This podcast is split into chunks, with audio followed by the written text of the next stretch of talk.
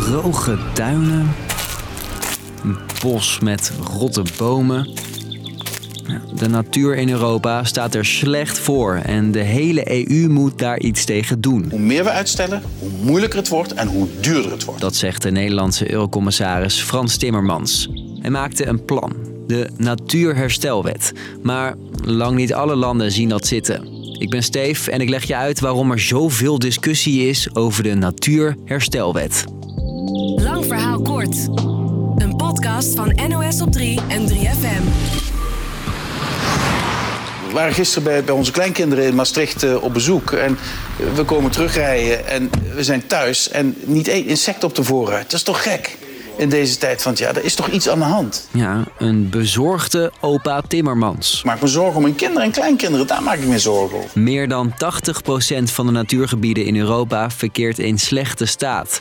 En de zorgen daarover uit Timmermans niet alleen bij zijn familie. Nee, juist in de Europese politiek, als klimaat-eurocommissaris. Hij maakte de Natuurherstelwet een belangrijk onderdeel van de Green Deal. Daar heb je misschien al wel eens eerder over gehoord. Een pakket met afspraken tussen EU-landen.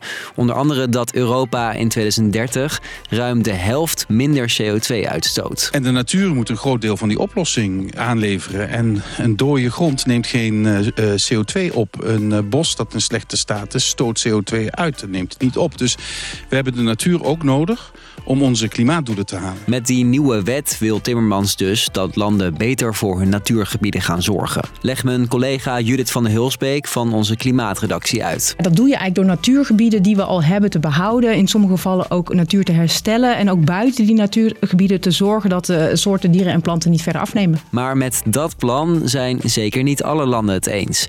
Het belangrijkste bezwaar, zegt EU-correspondent Kizia Hekster. Dat zat hem dan toch wel met name in dat landen vonden dat het te weinig voor hun overbleef om zelf te regelen. Dat er te veel vanuit Brussel geregeld zou worden. En door die bezwaren is de wet wat afgezwakt door Frans Timmermans. Eerder stond in de tekst dat lidstaten moesten verzekeren dat natuur in sommige stukken niet verder achteruit zou gaan. Jort Kizia weer. Dat is geworden dat eigenlijk lidstaten hun best moeten doen om maatregelen te nemen die eh, ervoor gaan zorgen dat die natuur niet ernstig achteruit gaat. Toch zijn sommige landen nog steeds niet tevreden over die wet, zoals Nederland.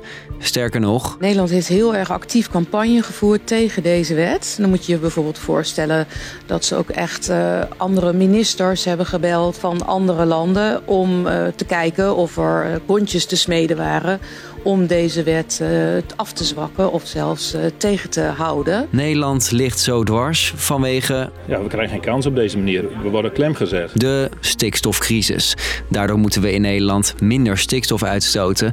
Met bijvoorbeeld als gevolg dat we minder huizen kunnen bouwen. bouwen, bouwen. Nederland is bang dat met deze wet rechters opnieuw gaan zeggen: jullie mogen geen vergunningen afgeven voor wat je allemaal wil gaan doen. Kijk maar, van de Europese Unie mag dat niet. Ja, zijn die zorgen terecht? Wat je daarover van experts hoort, is dat Nederland misschien wel een beetje overdrijft.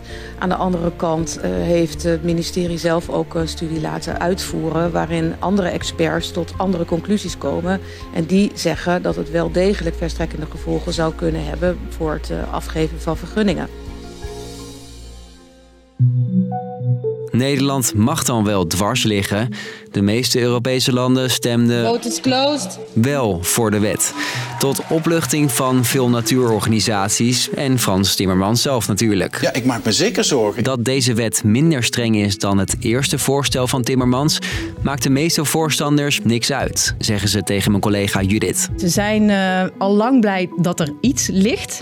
Wat gaan wij van deze wet merken? Dat er meer gebieden bij gaan komen waar bepaalde uh, planten en dieren leven waarin bewezen moet worden dat als je daar gaat bouwen of als je daar uh, gaat boeren, dat daardoor de natuur niet verslechtert. Meer regels en procedures dus? Dat zou kunnen, ja. Toch is deze wet ook voor boeren van belang, zeggen voorstanders. Want er zijn nu 75% minder insecten dan 30 jaar geleden. En slapen zonder mug op je kamer, daar kun je best aan wennen. Maar op het land zijn zoemende beestjes wel fijn. Insecten zijn natuurlijk nodig voor de bestuiving van onze gewassen. Dus die zijn heel erg belangrijk ook voor onze voedselvoorziening. Het Europees Parlement heeft nu dus ingestemd, maar de wet is nog niet definitief. Er volgen nog twee stemrondes. Nog eh, een paar hoordes te gaan, maar de finish komt wel in zicht. Lang verhaal kort. Het Europees Parlement heeft ingestemd met de Natuurherstelwet. Door deze wet zijn landen straks verplicht hun best te doen om natuurgebieden te beschermen en te herstellen. Nederland stemde tegen, uit angst dat meer regels bouwplannen in de weg zitten. Was hem voor vandaag. Morgen natuurlijk weer een nieuwe podcast. Rond 5 uur.